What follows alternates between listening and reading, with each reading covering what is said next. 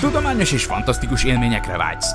Akkor csatold az öveket és lépj be hozzánk a Parallaxisba. Üdvözlünk a Parallaxis univerzumban! Figyelem! A műsorban spoilerek bukkanhatnak fel. 12 éven aluliak számára nem ajánlott. Az MD Média bemutatja.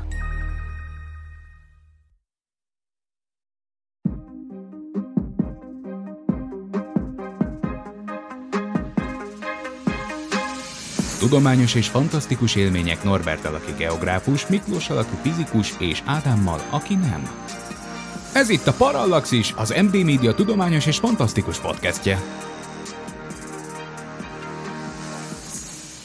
Utazást teszünk egy disztópikus jövőbe. Egy olyan jövőbe, ahol mindennapos a virtuális valóság használata, sőt, szinte ez a virtuális tér, az oasis jelenti az egyedüli szórakozási, vagy éppen a kitörési lehetőséget az emberek számára. Ernest Klein azonos című regényéből Steven Spielberg vitte nagyvászóra 2011 talán legnagyobb CGI gicsparádéját, ami bővelkedik popkulturális kifiutalásokban, de sajnos nem feszeget társadalmilag is fontos témákat. Szeretettel köszöntök mindenkit, ez itt a Parallaxis 81. része a mikrofonnál Horváth Ádám Tamás. A 2018-ban bemutatott Ready Player One lesz tehát mai műsorunk témája, így szólítom a kő alatt Vince Miklós barátomat, MZ Pelix, MZ Pelix, jelentkez, jelentkez.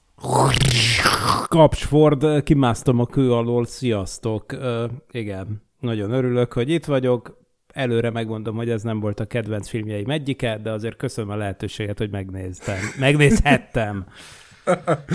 és a filmekről, popkultúráról van szó, nem is lehetne teljes a triónk Barkóci Norbi nélkül. Szia Norbi! Köszöntök mindenkit, sziasztok! Mielőtt viszont belekezdenénk mai beszélgetésünkben, ne felejtsetek el lájkolni és feliratkozni, premier előtti tartalmakért pedig kérlek fizessetek elő a patreon.com per parallaxis oldalon keresztül csapjunk is bele, mit szóltok hozzá. Bár akkor előtte még akkor térjünk erre ki, amit Miklós mondtál, te most láttad először a filmet, és hát, mint említetted is, nem volt a kedvenced, pedig Spielberg. Igen, pedig Spielberg. És az a vicc, hogy tök véletlenül éppen tegnap néztem egy Spielberg interjút, de ugye ő elég ritkán ad mély interjúkat, de most, most, most adott egy jó mélyet, és egyébként megkérdezték, hogy ő meg szokta nézni utólag a saját filmét, és azt mondja, hogy nem nagyon, csak például amikor a gyerekeivel, például amikor azt akarta, hogy, hogy a gyereke, amikor megnézi először az IT-t, akkor azt nem akarta, hogy úgy nézze meg, hogy ő nincs ott. Úgyhogy akkor azt látni akarta, meg hogy az eleje félelmetes, és ott akart lenni, meg minden, úgyhogy amikor a gyereke először látja az IT-t, meg ilyenek. Az IT egy horror. Hát, Ugye? Mindenesetre a Spielberg azt mondta, hogy az E.T. egyike azoknak a nagyon kevés filmjeinek, amiket képes úgy utólag is többször megnézni, indokolt esetekben. Saját maga úgy jellemezte az E.T.-t, hogy az egy tökéletes film. Na most ehhez képest azért azt mondta, hogy a 90%-a az általa készített filmeknek az nem olyan, amit ő úgy újra nézne, vagy bármilyen igénye lenne arra, hogy megnézze. Tehát ő azt megcsinálta egyszer, kész. Felmerül a kérdés, hogy akkor vajon Roland Emmerich hogy áll ez a kérdéshez? Ő vissza tudja nézni a filmét. Szerintem, figyelj, nem tudom, mert én a Ronald Emmerichnek hogy a függetlenség napját azt bárhányszor meg tudom nézni. Azt hittem azt mondod, hogy hát nem tudom, de múltkor mondtam Roland Emmerichnek, hogy hát ezért ez a Moonfall elég szar volt, bocs. Igen, És hát már a függetlenség napja kettő is. Így van. Bár ugye szerintem az, attól én pont megkíméltem magamat. Azt, tehát te voltál az a hős, aki megnézte a Parallaxis csapatból a független napja kettőt. Maximum respect. Na, de visszatérve, a Ready Player One-t, azt többkre megértem a Spielberget, én se fogom többször megnézni. És egyszerűen valószínűleg azért, mert én úgy mondtad, hogy egy kő alatt élek, és tényleg, tehát valószínűleg az egész esztétikája ez a gameres dolog, amiről majd mindjárt Norbert mond egy jó kis elemzést, mert ő egy természetes intelligencia, ezért értelmes elemzést fog róla mondani. Szóval az van, hogy, hogy ez nem az én világom. Tehát meg kell, hogy mondjam, hogy én egy olyan kő alatt élő ember vagyok, aki annak ellenére, hogy nyilvánvaló, hogy bizonyos értelemben geek vagyok, mert a fizikus az mégiscsak egy geek, de baromira nem az a fajta, aki, aki mondjuk számítógépes játékokba szippantódott um, bele. Igen, tehát nyilván szubkultúra, tehát a könyv is már eh, annak készült, annak íródott, és azért nagyon vastagon ez a, ez a 70-es, 80-as években, aki akkor nőtt fel, tini volt, és, és főleg leginkább Amerikába, tehát hogy leginkább szerintem azok tudnak ezzel a könyvel és filmmel együtt menni, Minden esetre én láttam, amikor kijött a film 2018-ban, de én se vettem volna elő, hogy ezt most nem tárgyaljuk ki, úgyhogy ezért most újra néztem persze. Ugye a könyvnek egy, má, egy folytatás is megjelent, Re- Ready Player 2, ö, két, két-három évvel ezelőtt. Azt nem olvastam, az első könyvet amúgy azt igen, és hát mint meg annyi alkalommal most azt kell mondjam, hogy a könyv az jobb. A filmből elég sok minden kikerült, de ez nyilván ez érthető a, a médium hosszát, illetően, hogy le kell szűkíteni a, a, könyvhöz képest. Egy pár dolgot ki is cseréltek, van, amit egy picit azért ö, ráncfelvarrottak, hogy még, még aktuálisabb legyen, mert ugye 2011-es a könyv, ö, 7 év telt el végül a könyv és a film megjelenése között, és hát Spielberg, Spielberg, de én már talán egy kicsit úgy vagyok fel, ez már nem az a Spielberg. Tehát amit mondhatok, E.T., meg, meg Indiana Jones, Jurassic Park. Jurassic Park, ha olyan komolyabb művek, hogy Schindler listát ne is említsük, azokhoz képest, hát ez ilyen nagyon kicsi, nagyon fel, felhigított limonádé, nagyon langyos víz, úgyhogy persze egyszer elmegy, színes szagos, fiatalabb korosztály biztos, hogy imádja, de úgy olyan ilyen tisztességes iparos munka, minden úgy a helyén van, annyira nagyon semmiben nem nyúl bele, senkit nem sért meg, úgyhogy gondolom a fizetés felvette utána érte. Igen, tehát a Spielberg szokta mondani, vagy szokta volt mondani, hogy vannak filmek, amiket a, azért csináljon, hogy izé, legyen mit tenni, legyen mit az asztalra tenni, meg van, amit az Oscar díjért. Hát ugye itt nem kérdés, hogy ez... Me- Már, bocsánat, igen, tehát hogy van, amit az Oscar díjért, például a Schindler listája, vagy akár a legújabb egyébként, tehát nem az, hogy kiöregedett a, a Spielberg, amúgy szeretném megjegyezni, hogyha a Fablemans-t azt láttátok mostanában. Én nem láttam, de tervezem. Na majd, meg, majd látni fogjátok, mert úgyse tudjátok kikerülni, szóval, szó- szóval tud, tud még az öreg. Nyilván 2018-ban is tudott még, hát ez egyike azoknak a filmeknek, amikbe, amiknél nem az Oscar díj volt a cél. Meg mondtam is itt a Norbinak az adás előtt, hogy megnéztem, hogy a forgatókönyvíró ő milyen filmeket jegyez, és hát azért szó, jó, persze vannak ilyeneket, például Free Guy, X-Men az ellenállás vége, de hát azért ilyenek is itt vannak, mint hogy az Elektra vagy a Bigyó felügyelő, szóval Bocsánat, jó, hát kő alatt tényleg bigyó felügyelő? a, a Matthew Broderick játszotta, és akkor Bigyó felügyelő. Őrület. Volt egy ilyen Figyelj, én bármit elhiszek. Ez pont olyan ez a név, mint hogyha a, nyolcadik utas csoportból szülte volna a, a népakarat ezt a filmcímet. Miklós, elintéztél magadnak egy bigyó felügyelős adást szerintem Azt. ezzel. Azt hiszem, viszont két dolog jutott eszembe, még Norbi beszélt. Az egyik az, hogy hol kell a ChatGPT-t kikapcsolni, a másik meg, hogy két, két moly beszélget a moziban, és hogy hm, azért a könyv jobb volt. És tudod, mit énekel a molylepke a szekrényben? Mit? Edda Blues-t. Hát a mai műsornak ez ennel vége. Jaj. A Patreonra nem feliratkozóknak az a büntető csatorna, hogy a Parallaxis tagjai vicceket mesélnek. Ilyen extrák, tudod? Ú, na egyszer majd megdöntjük, azt hiszem 56 óra a, a non-stop podcastelés rekordja, vagy lehet, hogy több valami ilyesmire emlékszek, de majd utána nézek, és majd egyszer megdöntjük egy ilyen non-stop tudományos és fantasztikus beszélgetéssel, hogy én leszek végig a műsorvezető, ti meg váltásban érkeztek hozzánk, és néha meséltek vicceket is. Egy-két Tarbéla filmet is be lehet dobni, belefér abba simán. Ó, vannak itt ötletek. Kedves hallgatók, hát szeretnétek, hogy megdöntsük a non-stop podcastelés világrekordját, akkor feltétlenül fizessetek elő Patreon csatornánkon, hogy ezzel tudjunk foglalatoskodni a jó munkás emberlét helyett. Szóval Ready Player van, ugye nem nagyon illik azért a parallaxisba, sokat morfondíroztam én is, hogy beszerkesszem -e ezt a címet, pedig szerintem sok olyan dolog van a film kapcsán, amiről érdemes beszélni, és a parallaxisban vitatott filmek azok nem csak arról szólnak, hogy kielemezzük azt, hogy mi a tökömnek ment New Yorkba a Godzilla, és hogy miért nem szakadt be alatta Manhattan ö, ö, ne- ben az aszfalt. Amellett ezek a filmek jó, mint a science fiction maga, egy jó alapot adnak ahhoz, hogy elbeszélgessünk néhány olyan dolgokról, amiket akár maga a mű az nem is feszegetett. Ebben a mai műsorban is tervezünk, vagy tervezek ilyen témákról beszélgetni.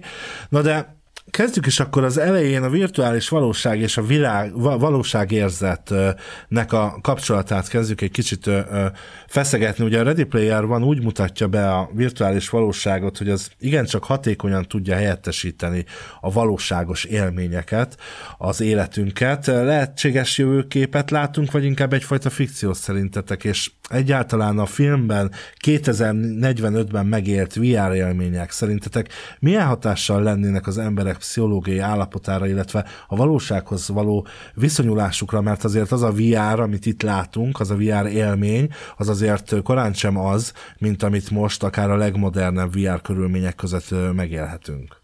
Vagy talán maximum az, amit a legmodernebb VR körülmények között megélhetünk. Ez, ez igaz, hogy még nem tartunk ott, bár nyilván könnyedén lehet mondani, 2045-ig még van idő, de szerintem azt elérni technikailag, amit a filmben láthattunk, az, az lehet, hogy még nem is kell annyi, ugye mennyi most 22 év múlva érnénk el oda, szerintem... Hát a srác mindjárt megszületik, 27-ben születik így van, a így srác. van, így van. Technológiai oldalról szerintem simán, simán addig, nem látok ekkora felvevő piacot manapság erre. A, a, a metaverzum sem hiszem, hogy annyira hódítana, vagy a Second Life van is túl vagyunk már jó pár évvel. Tehát, hogy, hogy van arra igazán igény, hogy az emberek a szociális társas kapcsolatokat, a filmeket, a zenéket egy virtuális térben hallgassák és nézzék olyan, olyan ö, formában, mint a filmben is megjelenítették, szerintem nem, vagy csak nyilván nagyon szűkös réteg, mert azért ott láttuk, hogy egy teljes beöltözésről van szó, és a technológia az, az nagyjából elérhető ma is, tehát hogy nyilván egy sima headset, meg mondjuk két, két kontrolleren kívül már ma is tudunk vásárolni olyan extra kiegészítőket, kesztyűt, vagy mondjuk ilyen, ilyen végtelen futópadot, amin ugye szaladgálni is lehet, vagy olyan, olyan ö, ruhákat, melkas ö, védőt, amivel extra feedbackeket tudunk kapni a játékból, de ezeknek nagyon magas a belépési küszöbe, tehát maga az eszköz, hogy megved, az kell egy külön, egy elég erős számítógép, ami ezt kihajtja, és akkor ami szerintem ezeken felül is a szűk keresztmetszet az a szoftveres támogatás és háttér. Ugye az a játékban, a filmben, amit láttunk, világ, oázis játék, az, az, az egy olyan, olyan szinten részletes, részletgazdag világ, hogy annak nem hogy a töredékét, tehát hogy nem is tudom, hogy a tízes skálán az oázis a 10, akkor nem tudom, hol járunk, ilyen 0,5. Hát én szerintem ugye egy nagyon nem elhanyagolható aspektus, hogy egyrészt 2045 az, ahogy mondtátok, azért az még egy picit odébb van, és hogyha a Moore törvényt azt bevesszük a pakliba, eddig legalábbis elég jól működött, nyilván lesz ennek egy teteje, mert hát az atomnál kisebb méretű biteket nem nagyon lehet itt készíteni, de igazából az van, hogy két évente kb. meg kétszereződik az adott pénzért megvásárolható tranzisztor kapacitás egy integrált áramkörön, tehát hogy, hogy 2045-re bőven eljutunk szerintem technikailag, hardveresen, szoftveresen oda, hogy egy ilyesmi tudjon futni. A kérdés az inkább, amit a, a Norbi megpendített, hogy van-e rá igény, sőt már te megpendítetted, Ádám, hogy mintha ezek mennének ki, a divatból. Na most ugye vegyük észre, hogy ebben a filmben, hogy ez a film igazából egy kegyetlen disztópia, egy igazi klímakatasztrófa, science fiction, mit tudom én, micsoda, ami ugye konkrétan egy az van, hogy ezek az emberek nem a luxus lakóparkban döntenek úgy, hogy, hogy VR-oznak, hanem oda menekülnek a roncstelep, roncstelep szintre lepusztított bolygóról, mert annyira elviselhetetlen az élet. Tehát ugye azért nyilván az minden emigrációnak ugye egy fontos faktora. De ott azért látjuk a belvárost, azért nem ennyire rossz a helyzet, mint ott abban a lakópocs, lakókocsi parkban. Én nekem az volt a filmből úgy általában a benyomásom, hogy a világ nagy részén azért nagyon rossz a helyzet, csak vannak olyan elit közösségek, ahol nem. De hát lehet, hogy ez egy, ez egy tévedés Jó, ez nem volt. derült ki. Ez nem derül ki. Lehet, hogy a könyvből jobban kiderül. Most itt a Norbira nézek, hogy, hogy vajon itt, itt mit lehet erről tudni. De, de nekem az volt a benyomásom, ha, ami persze egybevág azzal, amit a világról tudunk, hogy általában egy nagyobb része nyomorog, mint amennyi jól érzi magát. És hogyha és hát tulajdonképpen az van, hogy, hogy hát ugye valójában ez egy rettenetesen addiktív dolog is. Tehát jól ismert az a kísérlet, amikor egereknek egerek agyába beépítettek valami olyasmit, ami az élvezeti központjukat ingerelte, és akkor igazából ahhoz, hogy azt ingerlésbe hozzák, ahhoz egy gombot kelljen nyomogatni, és ugye folyamatosan nem tudtak kb. lekattanni a cuccról, folyamatosan nyomogatták, nyomogatták a kisegerek egészen addig, amíg konkrétan ki nem nyifantak a, a, az élvezettől egészen konkrétan, mert ugye mindent túl lehet tolni. Szerintem társadalmilag ez egy belső emigráció. Tehát egy bizonyos értelemben vett emigráció, hiszen az emberek átmennek egy másik világba. Most nem hajóra szállnak és átmennek az új világba szerencsét próbálni, hanem egy képzelt világba átmennek, és az emigrációnak legalább annyira fontos hajtóereje az, hogy elviselhetetlen legyen otthon, mint hogy hívogató legyen a célállomás. És szerintem ezt mutatja be a film, hogy én úgy látom, hogy ez a 2045-ös jövő legalábbis a föld lakosságának a tekintés része számára annyira elviselhetetlen, hogy a kisegérhez hasonlóan kb. rákattannak a cucra, és nem tudnak kb. róla lejönni. A könyvben is, könyvben is amúgy hasonló a helyzet, és amúgy összességében amúgy egy nagyon szomorú disztópia, tehát hogy valahogy úgy fogalmaznak a filmben is, hogy fel, feladták már, hogy, hogy megpróbálják megmenteni a, a földet, meg úgy, meg úgy mindent, úgy feladták az emberek, és mm, mint egy alternatív megoldás, igen, ezt, ezt használják, úgyhogy amúgy, amúgy, amúgy elég szomorú. És arról nem is beszélve, ugye látjuk, hogy az emberek, ez nagyon érdekes amúgy, ezt majd bedobnám megvitatásra, hogy van az a jelenet a filmben, amikor konkrétan a virtuális valóságban építenek egy olyan díszletet az egyik szereplőnek, akit ki kell cselezni, ami ugyanúgy néz ki, mint a valóság, mint az ő saját irodája, vagy vezérlőterme, vagy mi a bubána, és akkor ez annyira élethűre sikeredik, hogy az emberünk el is feledkezik, hogy ő a virtuális valóságban van. Annak ellenére, hogy ez nem a Matrix, tehát nem az van, hogy ugye konkrétan az agyadba van beledugva a cucc, és nem is tudsz róla, hogy te egy virtuális valóságban van. Ugye ezek elméletileg olyan emberek, akik szabad akaratukból bemennek a virtuális valóságba, de mégis ezek szerint annyira bele tudja magát élni az ember, hogyha ugyanolyat lát, mint ami a saját hétköznapi életéhez hasonlít, akkor egy idő után el is nem is tudja már eldönteni, hogy úgymond ébren van, vagy álmodik, vagyis más szóval, hogy most épp a virtuális valóságban van, vagy, a, vagy, a, vagy az igazi valóságban. Én, ez mondjuk egy szerintem egy tök ijesztő dolog. Szerintetek ilyen van?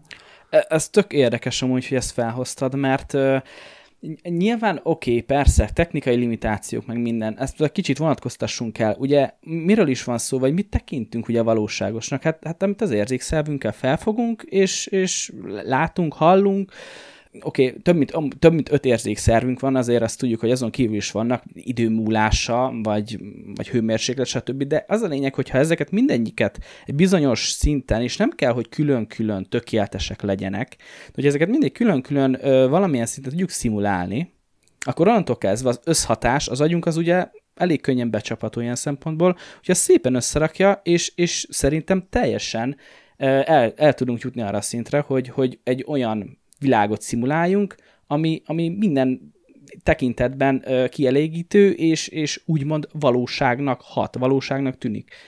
Ugye sok-sok más skifi is ezért ö, pedzegeti ezeket a, a kérdéseket, és amikor, és amikor már ugye az embernek a, az időnek a nagyobb részét ebbe egy ilyen világba tölti, akkor onnantól kezdve tényleg megkérdezik, hogy akkor, akkor most melyik lesz a valóság, melyik lesz a valódi számomra. És ez, ez durva. És eleve mi az, hogy valódi, mert hogyha tényleg ott töltöd az időd nagy részét, tehát ott teljesedsz ki, ugye? Akkor, akkor most mi, mi az, ami igazán te vagy? Ezek, ezek nagy dilemmák, és ugye itt is ez van, hogy mondja az egyik szereplő, hogy, hogy bele vagy zugva ebben a, ebbe a lányba, de honnan tudod, hogy az a lány az nem éppen egy izé 150 kilós csávó, aki az anyjával él a pincében, és onnan gémerkedik. És ugye? milyen mázlia volt, hogy nem? milyen mázlia volt, hogy nem, viszont aki ezt mondta, az a nagy darab Debella uh, kigyúrt kopasz férfi karakter a játékban, arról meg kiderült, hogy ő meg egyébként egy nő. Én már inkább adnék egy olyan virtuális valóságot, ami aztán persze az emberiséget teljesen kicsinálná, egy ilyen Matrix-szerű, hogy beültethetnek nekem egy ilyen, vagy egy vezeték nélküli, mert most már nyilván nem kéne drót, de hogy beültetnek egy ilyen csipet a, az agyam megfelelő helyére, és akkor az ingerli az én ö, látóidegemet, hallóidegemet, különböző érzékszerveimet, és tényleg úgy érzem, hogy ott De vagyok. és a mozgásodat is. Mert hogy ugye, és, és akkor ez a kérdés, hogy vajon oké, okay, ez tök jó, az Elon Musk is néha gondol ilyeneket, hogyha tényleg ez a Matrix-szerű dolog lenne, de mondjuk te választod, tehát hogy te bekapcsolod, akkor, de olyan lenne, ami ennek te mondod, tehát nem egy virtuális valóság sisak, mint amit ebben a filmben látunk, hanem tényleg egy olyan, ami full, full rákapcsolódik közvetlenül az agynak, úgymond a bemenő portjaira, ahol amúgy, ahonnan amúgy a, izé, a végtagjaid, meg az érzékszerveid lógnak. Na, tehát, hogy konkrétan oda rákötsz, akkor, akkor vajon, akkor azért bele lehetne feledkezni, nem? Sőt, még talán akár bele is lehetne halni. Igen, akkor szerintem nagy probléma lenne az, hogy az emberek nem táplálkoznak, mert mondjuk ben esznek, még az érzet is az, Aha, még ja. érzed az ízét is, de valójában nem viszel be táplálékot. Piaci rés lenne az ilyen különböző ilyen készítmények, amivel akár két nap játékot is kibírsz a, nem tudom, Oasisbe. De, ha már ezt a példát mondtam, és te is ezt vitted tovább, akkor igazából még fontos kérdés például ugye a kiberbiztonság és az adatvédelem adatvédelem kérdése, mert szerintetek milyen veszélyeket hordoz magában a virtuális világ, főleg ha az egyetlen vállalat vagy személy képes irányítani az egész rendszert, és milyen intézkedéseket kellene hozni a kiberbiztonság és az adatvédelem javítása érdekében ma, hiszen egy olyan jövőt látunk, ahol bárki megtalálható, akár a drónok segítségével, mindenképpen hát a hekkelés, a feltörhes, feltörhet megközelítésnek a lehetősége, amit a filmben is láttunk, tehát a, a, az IOI-ja nagyon nagy, a, az Apple, tulajdonképpen az IOI az Apple szerintem, hmm. és az Apple-t ilyen nagyon simán, egyszerűen a kis csaj nagyon könnyen feltörte. Egy biztos, hogy a, ha adatvédelem meg kiberbiztonság, hogy ne úgy de szerintem a Parallaxis kedves hallgatói nem ö, írják fel a jelszavukat a monitorok sarkára, vagy éppen a VR headsetükre egy, egy kis papírra, mint ahogy a filmben a, a, a vezérigazgató és a főgonosz karaktere tette ezt, Bossman 69, outsider, ő annyira nincs köze ez a világhoz, amit ez a Hayden létrehozott tulajdonképpen, vagy annyira az üzleti részét látja, el is mondja ott Percivalnak is, hogy utálja ezt az egészet, már legyen vége, hogy, vagy a, nem a Percivalnak mondja, hanem annak a koponyás testű barátjának, akiről végül nem derül ki, hogy kicsoda, ha jól értelmezem pedig az még érdekes lehetett volna, vagy nekem egy kicsit érdekes lett volna. Nem tudunk, nem tudunk aludni azóta. Igen. Hogy, hogy kicsoda, igen. Igen. Annyira durva, tényleg. Írni fogok a Stevennek. De, ja. de mindenki mást megtudunk, hogy kicsoda, csak őt nem. És arra már nem emlékszek, hogy a könyvben ki van-e térve, iRock, vagy iRack, nem tudom, hogy ejtették a nevét, de nem, nem, nem nagyon tudtam figyelni a De figyeljetek csak, szóval egy nagyon fontos dolgot érintett azért itt az Ádám, már ez túl van a személyes kiberbiztonság kérdésén, hogy ezek cégek ez a világ, és szerintem 2045-re valószínűleg eljutunk oda, de ezzel a világ, az egész jogrend az igazából most ismerkedik azzal, hogy itt nem csak az, hogy, hogy mondjuk ezeknek a nagy tech cégeknek több a, nagyobb a tőkéjük, mint egy közepes ország GDP-je, hanem hogy konkrétan nagyobb az elérésük, nagyobb a hatásuk, hatékonyabban tudnak begyűjteni információkat, mint bármelyik titkos szolgálat, stb. stb. stb. Tehát, hogy és őket semmilyen, semmilyen ilyen nemzetközi ízék nem korlátozzák. Igen, és ezért hangozzék itt el a Pegazus botránynak is a neve, vagy hogy mondjam, szóval, hogy az is, mert ugyan oké, okay, állam... Le, igen, az legalább hogy... valamelyest össze van fonódva egy némely állammal. Igen, de amúgy egy magáncég, egy izraeli ö, biztonsági magáncégnek a találmánya. Hát azért ez igencsak riasztó, hogy azért technikailag, tudom, nem akarok naív lenni, tudom, nincs feltörhetetlen rendszer, oké, okay, de hát szóval, hogy basszus, ez, ez, ez azért tényleg durva, és az is durva, hogy nekem egy Huawei telefonom van, és a kínaiak most premier előtt hallgatják ezt a műsort. Hát így szóval, van, hogy így van. vagy ha azt mondom, most mi elkezdenénk beszélgetni a pelenkákról, akkor utána a, az Instagram, meg a Facebook pelenka hirdetéseket Pontosan. dobna nekem föl. Azért ez valahol rémisztő. Ez egyrészt, ez, ez teljesen rémisztő, ezek a magáncégek, ezek ugye nem csak, hogy írdatlan mennyiségű tőkét kezelnek, hanem gondoltok bele, hogy ott van például a Cambridge Analytica nevű szervezet, ami, ami szintén, hát az konkrétan egy cég, bár igaz, hogy a Cambridge Egyetemről lepa, ből ki, kinőtt, ugye startup volt valaha, az angliai Cambridge-ről beszélek ezúttal, és aztán utána persze óriási karriert csináltak. Ugye a Trump-féle választási kampányokban, meg akármelyik választási kampányokban elképzelhetetlen a már nélkülük kb. az élet, de, de ugye az, azok a félelmetes korrelációk, hogy mit tudom én, a te szexuális orientációdat korreláció alapján nagy biztonsággal meg tudják mondani teljesen független adatokból, amiről te például sosem gondolnád, hogy bármilyen módon összefügg a szexuális orientációddal hogy mit tudom én, te, ez a, ez a kedvenc színed, és ezt a filmet szereted, és a kapcsolati hálót szerkezete ilyen és ilyen. És Buzia vagy. Igen, és akkor, és akkor tényleg ez alapján látod, hogy annak megfelelően targetálja például a hirdetéseket, jobb esetben csak pelenka hirdetéseket, rosszabb esetben mit tudom én milyen izé, dildo boltnak a hirdetéseit dobálja, az alapján, és akkor nézed, hogy mi a franc, nem is kerestem rá hasonlóra. Tehát az oké, okay, az hagyján, hogy mi elkezdünk a pelusokról beszélgetni, és kapsz egy pelus hirdetést, oké, okay. de hogy elkezdünk a pelusokról hír, ö, ö, beszélgetni, és akkor kapsz egy, mit tudom én,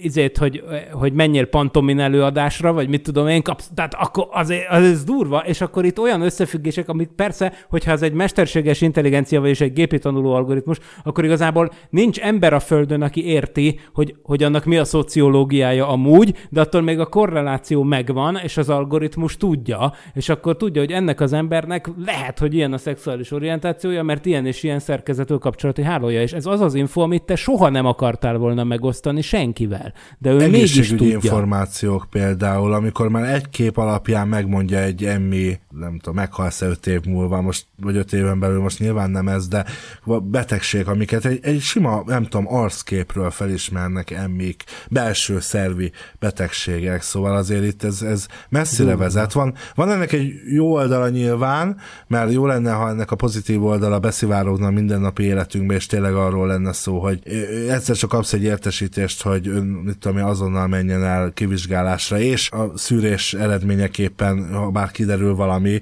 de még éppen idejében, azért ez például nagyon fontos lenne, hogy a, hogy a szűréseket például ezt segítse, emellett, és még egy csomó mindenben ö, ö, van, van ennek egy jó oldala, de azért egy nagyon veszélyes oldala van, és manapság is látjuk, hogy nem az a többség, amikor nekem ellopják a bankkártya adataimat, mert ha nem vagyok hülye, és nem írom be olyan helyre, ahova nem szabad, akkor azért az, az ahhoz nem jutnak hozzá. Hanem most már inkább az a félsz, hogy a tömeg hipnózis a, a média erejével olyan hatásokat tudnak gyakorolni cégek, államok, csoportok emberekre, mindegy, hogy most ez politika, vagy üzlet, vagy bármi, mondjuk az egyes ugyanaz, mielőtt még fölhördülnek a kedves hallgatóink, de ne azt mondjuk, én vagyok politikus, de ne azt mondjam, hogy amit gondolok, hanem azt mondjam, amit a Cambridge Analytica megmond, hogy mire reagálnak a legjobban a targetált célcsoportom. Azért ez egy elég ijesztő. Igen, ez akkor is ijesztő volt, amikor média szakemberek csinálták, meg, meg szociológusok, meg reklámizék, emberek, akkor is baromi ijesztő volt az agymosásnak ez a módszertana, vagy nagyipari Hát egy, egy ipar, tehát ez tulajdonképpen ez egy kiszámítható haszonnal, kinek, miten, hogy kell targetálni, ezt emberek tanulják az egyetemen, lehet, hogy az Ádám is tanult ilyesmit, abszolút. Na de az meg még ijesztőbb, hogy egy olyan fekete doboz csinálja, amiben nem tudod, hogy mi történik. És nincs fölötte se jogi, se semmi más kontrollod. és egyre jobban ismer téged. Szóval durva. És egyébként még valami ezzel kapcsolatban, ha már egy kicsit elmentünk ebbe az irányba, hogy, hogy sajnos egyébként ez önbeteljesítő proféciákhoz is vezethet, vagyis visszahathat a rendszerre az, hogyha túltanítod az algoritmust. Mondok egy példát, hogy, hogy gondolkoztam azon, ugye tényleg lehet olyanokat csinálni, amikről évtizedeken keresztül ilyen paralaxishoz hasonló műsorokban azt mondtuk, hogy ilyen nincs, és ez tudománytalan baromság, hogy konkrétan egy életlen fényképből egy embert ábrázoló életlen fényképet, ami elmosodott cucc van, kiélesít, és tényleg úgy néz ki, mint az igazi ember. Most ezek az algoritmusok hon, hogyan működnek? Hát én azt hiszem, hogy ezek úgy működnek, hogy egy bazinagy tanuló algoritmus son keresztül ment, és, és valójában ez a tanuló algoritmus genetikai korrelációkat tanult meg. Olyanokat, hogy például valakiről egy olyan hiányos képed van, hogy mondjuk csak a szemének az alakját látod, de neki beadtak egy millió emberről képet, akkor tudod, hogy például mit tudom én, akinek ilyen kis mongoloid vágású szeme van, annak elég ritkán van ilyen marha nagy orra. Mint nekem, mit tudom én, ugye? És akkor például ez alapján tulajdonképpen ez, a, ez az algoritmus, annak ellenére, hogy a képen konkrétan nem látszik az arcnak az a része, de ő az amúgy genetikai alapú korrelációkat megtanulja, és tényleg bizonyos valószínűséggel, elég nagy valószínűséggel tudja rekonstruálni, hogy az az ember hogy néz ki. Ez tök oké, okay, meg ez menő is, csak azt akarom mondani, hogy viszont ez nem azt jelenti, hogy az az ember tényleg úgy néz ki, ez csak azt jelenti, hogy ez a legvalószínűbb kinézete, de közben meg minden ember más, és simán lehet, hogy az illető az konkrétan két hete volt plastikai sebésznél, és csináltatott magának egy marha nagy orrot, és tök más, hogy néz ki. Tehát ezt akarom mondani, hogy, hogy oké, okay, nagyon hasznos segédeszköz ez a mesterséges intelligencia, csak nem szabad, hogy elfogadjuk igazságként, amit ő generál. Tehát egy bírósági tárgyaláson például egy ilyen módon feljavított kép, az ne lehessen bizonyíték, és akkor ez már átvezet egy, egy olyan Spielberg filmhez, amit már kibeszéltünk, és amit viszont szeretünk, ugye a külön vélemény, ami végül is egy kicsit hasonló problematika. Még visszatérve arra, hogy igen, tehát a 21. században ugye az adat az, az mint egy olyan ö, értékkel bíró dolog, ami, ami minden korábbinál sokkal értékesebbnek bizonyul, és a big data, mint olyan nagyon ilyen trendi fogalom mindenhol is megjelent már, illetve ugye van az a mondás, hogyha ugye valami ingyen van, ingyen kapsz, ingyen használtad, akkor, akkor ugye az adataiddal fogsz fizetni. Ugye tudjuk jól a Facebook és társai, ezeken azért ma már senki nem lepődik meg. Virtuális valóságban, és ugye ezek a VR headsetekkel, ugye az már most is van, tehát most jelenleg is már kaphatóak olyan headsetek a piacon, amik a szemmozgásunkat is követik. Nyilván ennek mondjuk tehát technológiai oka is lehetnek, ugye ezek nagy számítási kapacitás igényes, nagy képfrissítésekkel, hogy dolgozzanak, és ugye az van mögötte, hogy optimalizálnak. Csak azt a rész lesz teljesen tűéles, ahova pontosan nézel, a többit azt mm, kicsit, kicsit alacsonyabb felbontásba is ér, ö, rá, ö, elég, hogyha legenerálják. Ez, ez teljesen érthető, de onnantól kezdve, hogy a szem, szemkövetés funkciós jelezekbe még, még jobban lehet targetálni az egyes személyekre, tehát és amit mondtál, Miki, ez azzal, azzal cseng össze. Tényleg a tudat alatti dolgokat, amikre te nem is gondolnál, ők már azt tudják, tudják majd rólad, és ott lesz az elemzés, és ott lesz a, a, a, a, a viselkedési eredményeid, és, és előre megjósolják, hogy te mikor és mit fogsz csinálni, mit fogsz vásárolni, és már az, az még úgymond szerintem csak az első lépés, vagy a legártalmatlanabb, amikor igen, csak egy adatot, ö, reklámot az arcodba tolnak. Ezért most mi is tolunk egy kis reklámot. Maradjatok velünk. Há, micsoda átkötés. Légy részese tudományos és fantasztikus utazásainknak, lépj be az univerzumunk színes világába, és légy a támogatónk. patreon.com per parallaxis. Bár nem az Oasisben, de magunk is a virtuális térben ragadtunk a COVID-19 világjárvány idején, de számomra megmutatta azt is, hogy az emberek mennyire nem tudnak, nem akarnak elszigetelődni a valóságtól, még ha idejük nagy részét a lezárások miatt a virtuális világban is kell tölteniük. Ez felveti a kérdést, hogy mennyire hatékony az online világ a szociális kapcsolatok fenntartásában, és hogyan befolyásolja az emberek mentális egészségét szerintetek, mert mi is a virtuális térben hozzuk létre ezt a műsort. Hol tart ez most, és mi lehet ennek a kifutása, illetve hol tartott ez az egész a világjárvány idején? Ilyen szempontból én nem különböztetném meg annyira nagyon a, a, a virtuális világot, meg mondjuk, mondjuk a metaverzumot, meg, meg ezeket ilyen a legújabb technológiákat a, a hagyományos értelembe vett internettől, ugyanazok a negatívumok, meg ugyanazok a pozitívumok itt is felsorolhatók, mint minden másban itt is az arányosság, illetve nyilván tudni kell ezeket használni. Tehát, ahogy, ahogy említetted... De tudjuk, bocsáss meg, de tudjuk. Olyan trendek is vannak, például Japánban, azt nem tudom, hogy erről olvastatok-e, a japán fiatalságnak egy jelentős része, tehát ilyen százezres nagyságrendben mérhető azok szám, akik, akik egyszerűen nem hajlandók például elhagyni a saját lakásukat, szobájukat és semmilyen ö, iskola, munka vagy, vagy szociális interakció az, az nem érdekli őket, és ott élnek, és, és ez egy tényleg nagyon aggasztó demográfiai probléma jelenleg ö, Japánba, és hogyha ezek a technológiákat mellé vesszük, akkor ezek talán csak még ö, olaj a tűzre.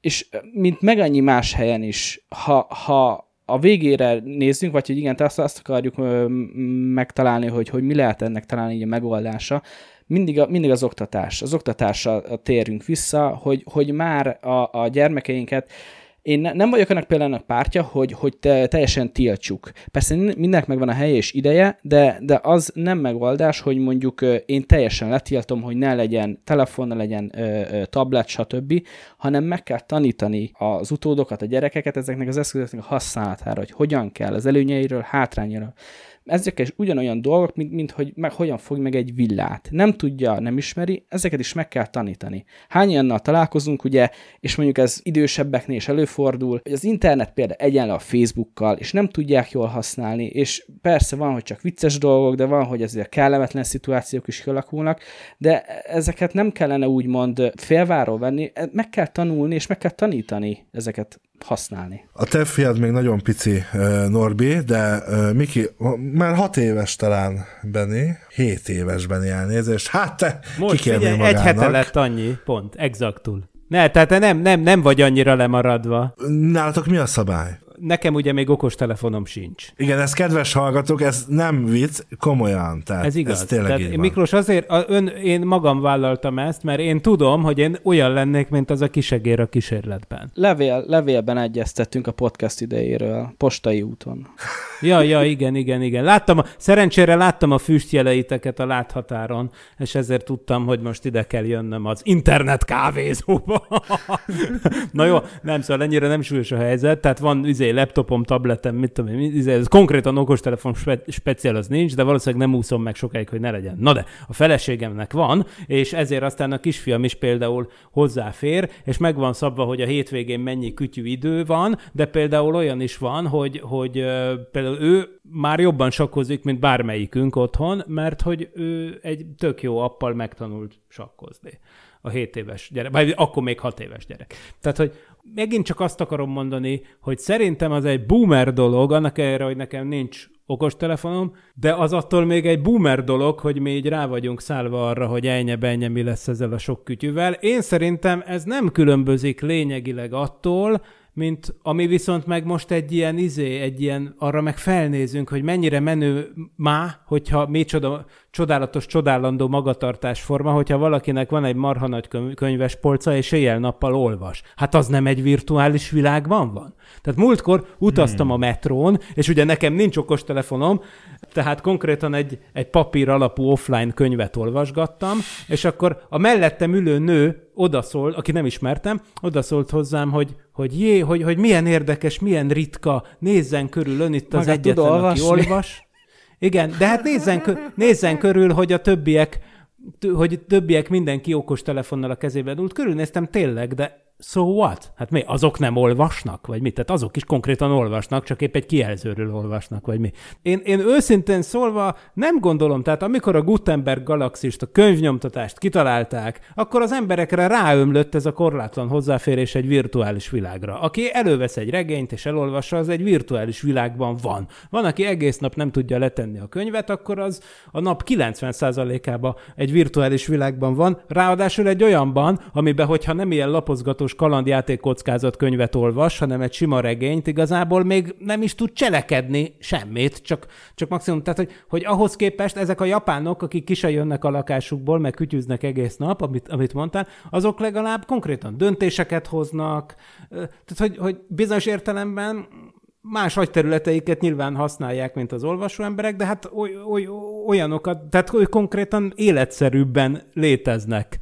A technológia, mint olyan, az se nem jó, se nem rossz, hanem van. Mindig az, mindig az a lényeg igazából, mire használjuk fel hogyan tudjuk tehát a, a napi életünkbe úgy beépíteni, hogy nyilván az azért nem menjen eszélsűséges végletekbe, tehát hogy jaj, az emberek már nem olvasnak igen könyveket, de mondjuk már mm, léteznek ugye e-book readerek, amik, amiknek ugye a kijelzője nem is olyan, mint a, mint a sima telefonoké, tehát sokkal ö, szembarátabb, sokkal kellemesebb olvasni hosszabb távon is, és még akár azt is fel lehet mellé hozni, hogy nem kell sok annyi fa, meg papír a legyártásához. Ugye Amazonon, hogyha már veszel egy könyvet, akkor azt be tudod pipálni. Hát itt muszáj vagyok azt mondani, hogy de kell hozzá arany, meg mindenféle nemesfém, amit ö, ö, harmadik országbeli ö, szeméttelepeken ö, gyerekek ö, havi egy dolláros fizetésért ö, ö, olvasztanak ott mindenféle biztonsági ö, ö, ö, eszközök, akárcsak egy masz nélkül. Mind a kettőtöknek igaza van. Megveszed egyszer ugye egy ilyen kütyűt, és akkor onnantól kezdve, hogyha jó, nyilván akkor meg már elvezett el a vulás, és akkor persze x év múlva szépen. újra. Értelek, értelek. Amíg a könyv száz évig is ott van. Most, oké, okay, nyilván nem tartozik a témához, csak Jó, hát annyira egyszer azért hogy- rohadtul leégett mondjuk az alexandriai könyvtár, és azóta amúgy lövésünk sincs, hogy, a, hogy mondjuk a, a, a görög civilizáció, az antik civilizáció mi mindent halmozott föl évszázadokon keresztül, de ugyanaz, A hálózatba kellett volna kötni. Na ez az, amúgy én, viszont na ez is visszatérve arra, hogy mekkora felelőssége van ezeknek a cégeknek. Hogy mi vajon mennyi felbecsülhetetlen, sehol máshol meglévő információt tárolunk például a Google-ben, vagy a YouTube. Tehát, hogy, hogy mi van akkor, hogy egészen egyszerűen az van, hogy ez a cég egyszer rohadtul csődbe fog menni. Tehát az, az lehet, hogy egy akkora kultúrsok lesz amúgy by the way, mint amikor leégett az alexandriai könyvtár. De mindegy, oké, ez csak egy zárójeles megjegyzés. Nem, te, teljesen jogos, ugye, tehát hogy a Google és a többi mondjuk felhőtár tárhely ö, szolgáltató cégeknek ugye egy csomó részét ugye ingyen vesszük igénybe, és akkor mi, hogyha holnap azt mondják, hogy a, bezárt a bazár, és akkor viszont látásra, oda vannak az adataid? Vagy csak hirtelen nem lesz több áram, mert nem tudom, becsapódik egy meteorit a világba, és véget ér a világ, vagy legalábbis nagyon Vagy legalábbis megszívjuk. ott, ott, valahova Akkor a tudásunk, helyre. igen, akkor a tudásunk azért az, jól tudom, backupot kell építeni a Holdon, Na, uh, Avi, ugye? De, de ugye, hát na, na milyen, most lá, összeértek a műsorok, basszus. Úgy átkötöd itt a teljesen unrelated podcastjainkat, azt mindenki hallgassa meg, hogy hogyan nyilatkozott mindenről Avi Leib, a Harvard Egyetem professzora, nem máskor, mint nem is olyan rég, egészen konkrétan a Parallaxis podcastnak a, hát nem is tudom, hanyadik adásában. azért az identitás kérdés is itt bejön a képbe, mert hogy ugye van a valódi identitásunk, mint Barkóci Norbi, Vince Miklós, Horváth Ádám Tamás, meg vagyunk, van az online identitásunk, ami egyrészt so- sok embernek elkülönül, kinek mennyire, van, aki teljesen más az online térben, a, mondjuk a fotelhuszárokra ez jól jellemző, a kommentes fotelhuszárokra, meg vannak, akik önazonosak az online térben, erről, erről még így mit gondoltak, így még pluszban? Én azt észrevettem magamon is, meg szerintem picit mindenki máshogy viselkedik, ha csak minimálisan is tényleg, amikor mondjuk egy, egy kamera elkezd rögzíteni, vagy egy mikrofon bekapcsolódik, és ez alapjáraton szerintem teljesen rendben van. A kérdés az az, hogy nyilván ez mennyire, vagy a személyiséged, eredeti személyiséged, az offline személyiségedhez képest milyen arányban ö, ö, torzulsz egy kicsit, vagy változol meg, hogy ez még belefér, vagy nem, vagy nagyon ki, ki kell facsarnod magadat ahhoz, az, az nyilván hosszú távon nem, nem fenntartható, úgyhogy, úgyhogy sz- szerintem ezt is talán valamilyen szintű életkorhoz lehetne kötni, ugye azért nyilván a, a törvények és a, a jogrendben erre van egy pár, jó pár példa, hogy valamit életkorhoz kötünk, és nem véletlenül. Um, offline és online identitás. Itt is valami ilyesmi ugrott be nekem elsőnek, hogy meg kellene várni. Azért nyilván a, a, a, késői gyerekkor, vagy a, vagy a tinédzserkor, az az időszak, ahol azért még a jellem azért változik, még nincs teljesen kialakult személyiségünk, és azért ott, ott, ott, ott sok mindent tud befolyásolni, jó meg rossz irányba is. Egy példa a, a könyvből, ezt, ezt a filmben teljesen kiadták, hogy teljesen szakadjunk el a, film, a filmtől. Tehát a könyvben volt az, hogy az elején úgy indul, hogy ők a, az oázisban tanulnak is, tehát ott járnak iskolába, és úgymond ilyen, ilyen biztonságos tanuló bolygón vannak, vagy, vagy ott, ott van az a digitális avatárjuk, és az elején még a főszereplőnk annyira, annyira, hát, annyira csóró, és igazából nincsen semmije, hogy el, el sem tudja hagyni ezt a bolygóját, tehát hogy mint hogyha tényleg egy videójátékba a legelső pályán ott ragadnánk, mert nincs hozzá elég skillünk, képességünk, játékbeli pénzünk, hogy tovább menjünk, és de ezzel ugye meg is vannak egy bizonyos szinten védve, hogy nincsenek kitéve a más játékosok ártalmas hatása, hogy megöljék az a digitális avatárját, tehát bizonyos védelmet is adnak ezzel, de nyilván be is vannak korlátozva.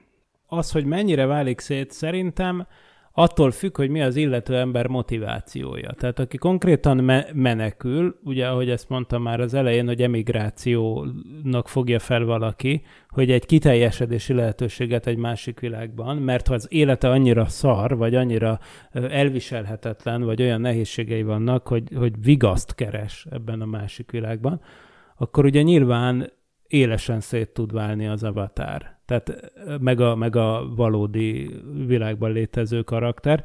Én szerintem ez is egy olyan dolog, amiben valójában emberek mindig is ilyenek voltak. Ez nem egy online vagy offline jelenlét kérdése, hanem tényleg mindig is voltak olyanok, akiknek volt egy, egy művészi identitása, vagy mit tudom én, akiknek van egy éjszakai életidentitása, amikor mit tudom én, átöltöznek, eh, mit tudom én, másmilyen nemű, korú, mit tudom én, milyen embernek, és úgy élik az életüket esténként, és aztán másnap reggel meg bemennek dolgozni szürke eminenciásként, vagy akár Superman, vagy mit tudom én, ezek a szuperhősök is ugye ilyenek, hogy, hogy amúgy ők valamik, de úgy egyébként meg ott fénymásolgatnak, és mindenki cseszteti őket napközben. Szerintem ez az online tér az e, e, erre az alapvető emberi igényre kínál egy lehetőséget, és ez az alapvető emberi igény szerintem azoknál jelenik meg, akik nem érzik jól magukat a saját helyzetükben. Azoknál inkább megjelenik, egy lehetőséget ad erre az, a, az online jelenlétet, sokkal, nagy, sokkal egyszerűbb most már csinálni egy ilyen alternatív identitást tulajdonképpen, mint korábban. Ennyi. Szerintem csak ennyi a különbség. Tehát ugyanannyi emberben ugyanúgy eddig is megvolt az igény, hogy ők valami más szeretnének lenni, hogy arról álmodtak, hogy bárcsak, hogyha én lehetnék a nem tudom mi. Csak ugye a praktikus életben ezt mondjuk Balmazújvárosból, mit tudom én, ez így nehéz megcsinálni. És, és az internet meg mindenkinek oda teszi a lehetőséget. És, és szerintem azért az emberek többsége amúgy nem él vele, tehát a legtöbb embernek azért eléggé hasonlít az online identitása a valósra, de attól még a jelenség az létezik, de nem az internet csinálta, szerintem. És hogy mondjuk egy ilyen VR környezetbe ugye elkezdesz, találkozol valakivel, interaktálsz vele, és ugye nincs meg az, ami, ami a, a, a valós offline életben, hogy meglátsz egy idegen embert, legyen az bármilyen szituáció, ugye már tudat alatt de már elkezdesz prekoncepciókat felépíteni benne, hogy milyen magas, testsúlya, bőrszíne, hajaszíne, van-e főbevalója, stb. Egy millió dolog úgy átfut az agyunkon, és ugye ez az, az online világban, hogyha egy, egy magának választott digitális avatárja van, ugye ez nincs meg. Úgymond mindenki elméletileg, nyilván ez egy lehet, hogy idealista gondolat, ö, ugyanarra a szintről indul. Nincs meg az, hogy a Vagy szép hogy emberekkel pont úgy van meg, kivételed... amit te magadról mutatni akarsz, ez a legjobb. Uh-huh, tehát, nem, tehát, hogy azért, mert a bőrszíned, mit tudom én milyen, emiatt nem fognak máshogy nézni, de nyilván, amit, hogyha te fülbevalós avatárt választasz, akkor az nyilván jelent valamit, de csak azt mutatod, amit te mutatni akarsz. Sokszor ö, munkahelyek is az önéletrajzot, amikor beküldi az ember, már kifejezetten nem tanácsolják, hogy ö, képet csatoljunk az önéletrajzba. Tehát, hogy pozit, hm. se pozitív, se negatív irányba, ugye ez, ez, ez ne lehessen akadály, úgymond. Milyen érdekes. De akkor meg elkezdik a nevedet elemezgetni. Ugye nem véletlenül léteznek a művész nevek időtlen idők óta. Természetesen tudjuk jól, hogy az, hogy Robert Kapa, hogyha valakit Robert Kapának hívnak, az háromszor annyi pénzt tud keresni egy fényképért, mint hogyha Friedman Endrének hívják. Ez ugyanaz az ember, ugye? Tehát, hogy Ugye, szóval hát ugye ezt nem kell magyarázni. És hát ugye igen, ilyen értelemben egy tiszta lapot, tehát igazából tényleg egy, egy, egy ilyen szép új világnak tűnne első közelítésben az online világ, hogy mindenki egy avatárral tiszta lappal tud indulni, és ez valójában csodálatos is lehetne, csak aztán ott van az, hogy viszont akkor lényegében azt csinálsz, amit akarsz. Jó, de ez akkor növelheti szerintem a gazdagok meg a szegények közötti egyenlőtlenséget, nem? Hiszen ahogy a filmen is láttuk, ugye ez a, az életmód azért pénzt követel, vagy tehát, hogy hm. szükséged van, hogy költsél rá. Tehát gondolom a hardware is, de gondolom, hogy ott a játékban magában is. Ugye itt ennek az IOI-nak is van ez a adósok izéja, cucca, hogy, hogy összeszedik az adósokat, szóval, hogy két élő fegyver. Mint minden. Tehát ezt Norbi tök jól megmondta, hogy ez egy technika, ami se jó, se rossz. Ez igazából az emberi dolgainkat nagyítja föl ekkora méretűre, és mutatja meg, hogy milyenek vagyunk mi. Tehát igazából ez csak egy tükröt, ez egy tükröt mutat. Jelenleg ugye azért, azt már én tettük, hogy, hogy a VR headsetek, meg az egész hardware-es támogatása a, elég magas a belépési küszöbe vannak már olcsóbb headsetek is, vannak vezeték nélküliek is, kényelmesebbek, egy kicsit picik, könnyebbek, egy kicsit nem, nem annyira megterhelő ezeket viselni, stb. De azért még mindig magas, tehát nem mondanám azt, hogy ez, ez úgymond segítené azt, hogy, hogy mindenki egyenlő szinten induljon. Alapból nem annyira nem állok ez a kérdéshez optimistán, sőt, inkább, inkább azt gondolnám, hogy ezt tényleg hosszú távon még, még jobban tudná talán ezt, ezt a társadalmi különbséget, az ollót jobban szétnyitni, nyá. Már most ugye léteznek a metaverzum, a Facebooknak is van ugye sajátja a, a, a Horizon, de más metaverzumok is léteznek, és már ott elkezdődött már az a számára nagyon furcsa és, és felfoghatatlan dolog, hogy magánemberek, de cégek is földeket vásárolnak. Tehát, hogy digitális ö, világokban ö, föld darabokat, ugyanúgy, mint, mint, mint a való életben, és egyetlen egy dolog hajtja ezt az egész piacot, hogy, hogy a spekuláció, hogy ezek majd egyszer sokat érhetnek, egyszer ez majd ténylegesen nagyon beindul, és akkor ebből mennyi pénzük lehet, hogyha most úgymond pár millió dollárért már most, pár, csak pár millió dollárért vesznek X darab mennyiségű digitális földet, az majd később mennyit érhet. Hát félelmetes, félelmetes. Még, még egyébként erről jutott eszembe, hogy igen, most biztos egy nagy anyagi belépő küszöb, hogy vegyen egy, vegyél egy olyan virtuális valóság kütyüt, de nyilván akkor meg fog jelenni és hogy gondolom a film valóságában is így van, csak ez nincs annyira kibontva, az a fajta adós rabszolgaság, hogy mit tudom én, tessék, te kedvezményesen megkaphatod ezt a virtuális valóság csisakot, cserébe nem tudom mennyi ideig konkrétan oda kell menned bitcoint bányászni, vagy mit tudom én micsoda, vagy valami ennek megfelelő jövőbeli tevékenységet folytatni, hogy ledolgoz tulajdonképpen a munkáddal fizetsz a hiteledért, és akkor ugyanúgy, mint a rómaiaknál régen, hogyha ennyi T-időt ledolgoztál, akkor utána kiválthatod magad, és, és, és szabad ember lehetsz egy idő után. Hát ez de, ilyen uzsorás dolog igazából. Hát abszolút, szóval... de ez mind-mind benne van ebben a lehetőségben. Hát a uzsorában annyira nincs, hogy majd egyszer kifizeted és kiszabadulsz, szóval inkább az ellenkezője Jó, jó, de... igen. Oké, okay, de... rendben, igen. Igen. De a lényeg az, hogy ennek a lehetősége szerintem teljesen adva van, és lehet, hogy már létezik is.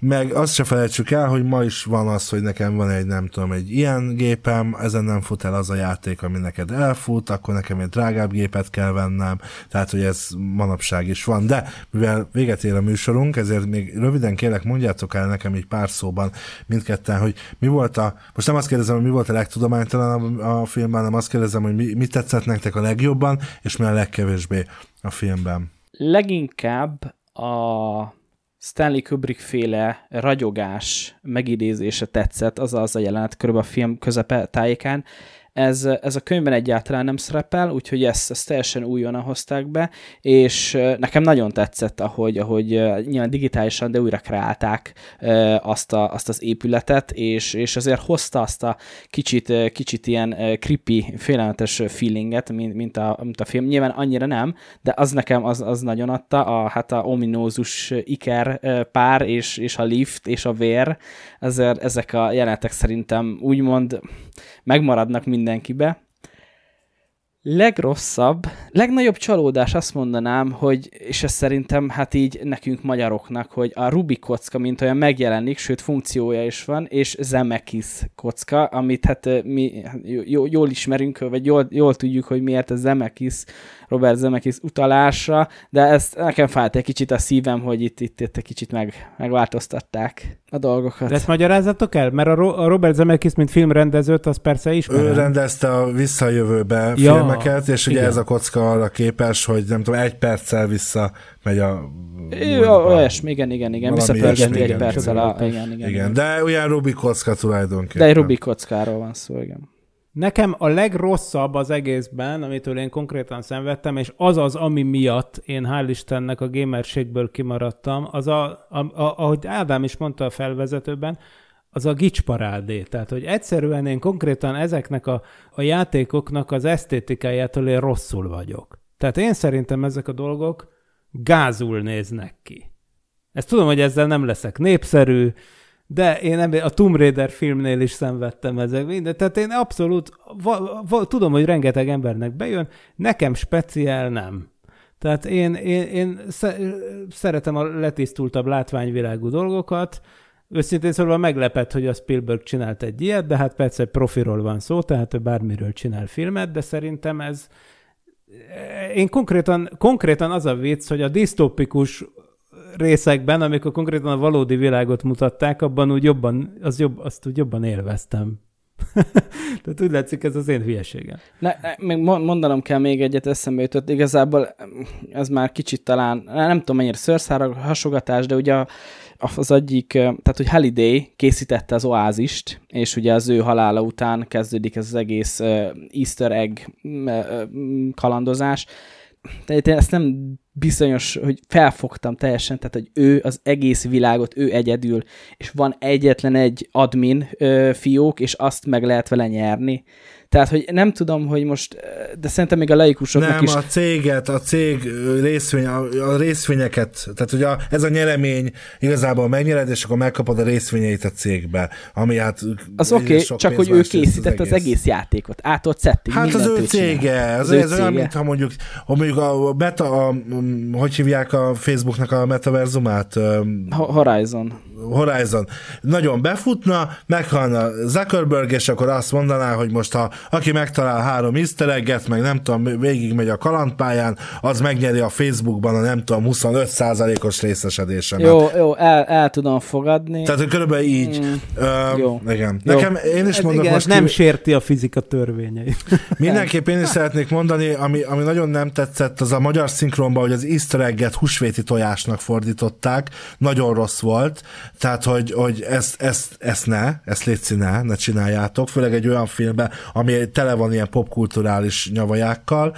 Azon kívül jobban tetszett volna, ha Percivalnak nem egy, bár imádom a, a delorean a visszajövőben ből, viszont jobban tetszett volna, ha inkább egy kitje van, nagyon hiányzott a, Night 2000-es, bár a kocsijának az elején a futócsík az ott volt így is, tehát be volt építve a DeLoreanbe, az nagyon tetszett, és hát minden nagyon tetszett, ami Robert Zemeckis volt, tehát azok a felcsendülő dallamok a, a visszajövőbéből, a, amikor ilyen kis pici történés van, és az a, az a hang, az nekem nagyon-nagyon bejött.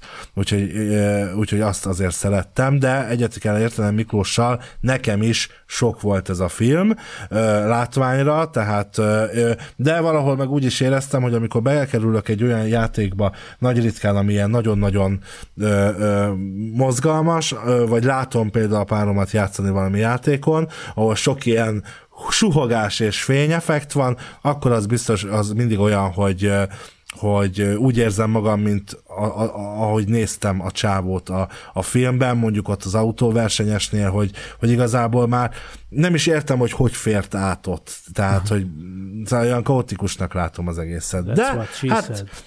Így van, ez volt a mai műsorunk. A következő alkalommal a valóság és a fikció határ mesdjéjén a konspirációs elméletek világába teszünk egy kitérőt, és megtekintjük a híres Roswelli UFO észlelési eseményhez kapcsolódó állítólagos idegen boncolást, amelyet egy 1947-es kópián örökítettek meg.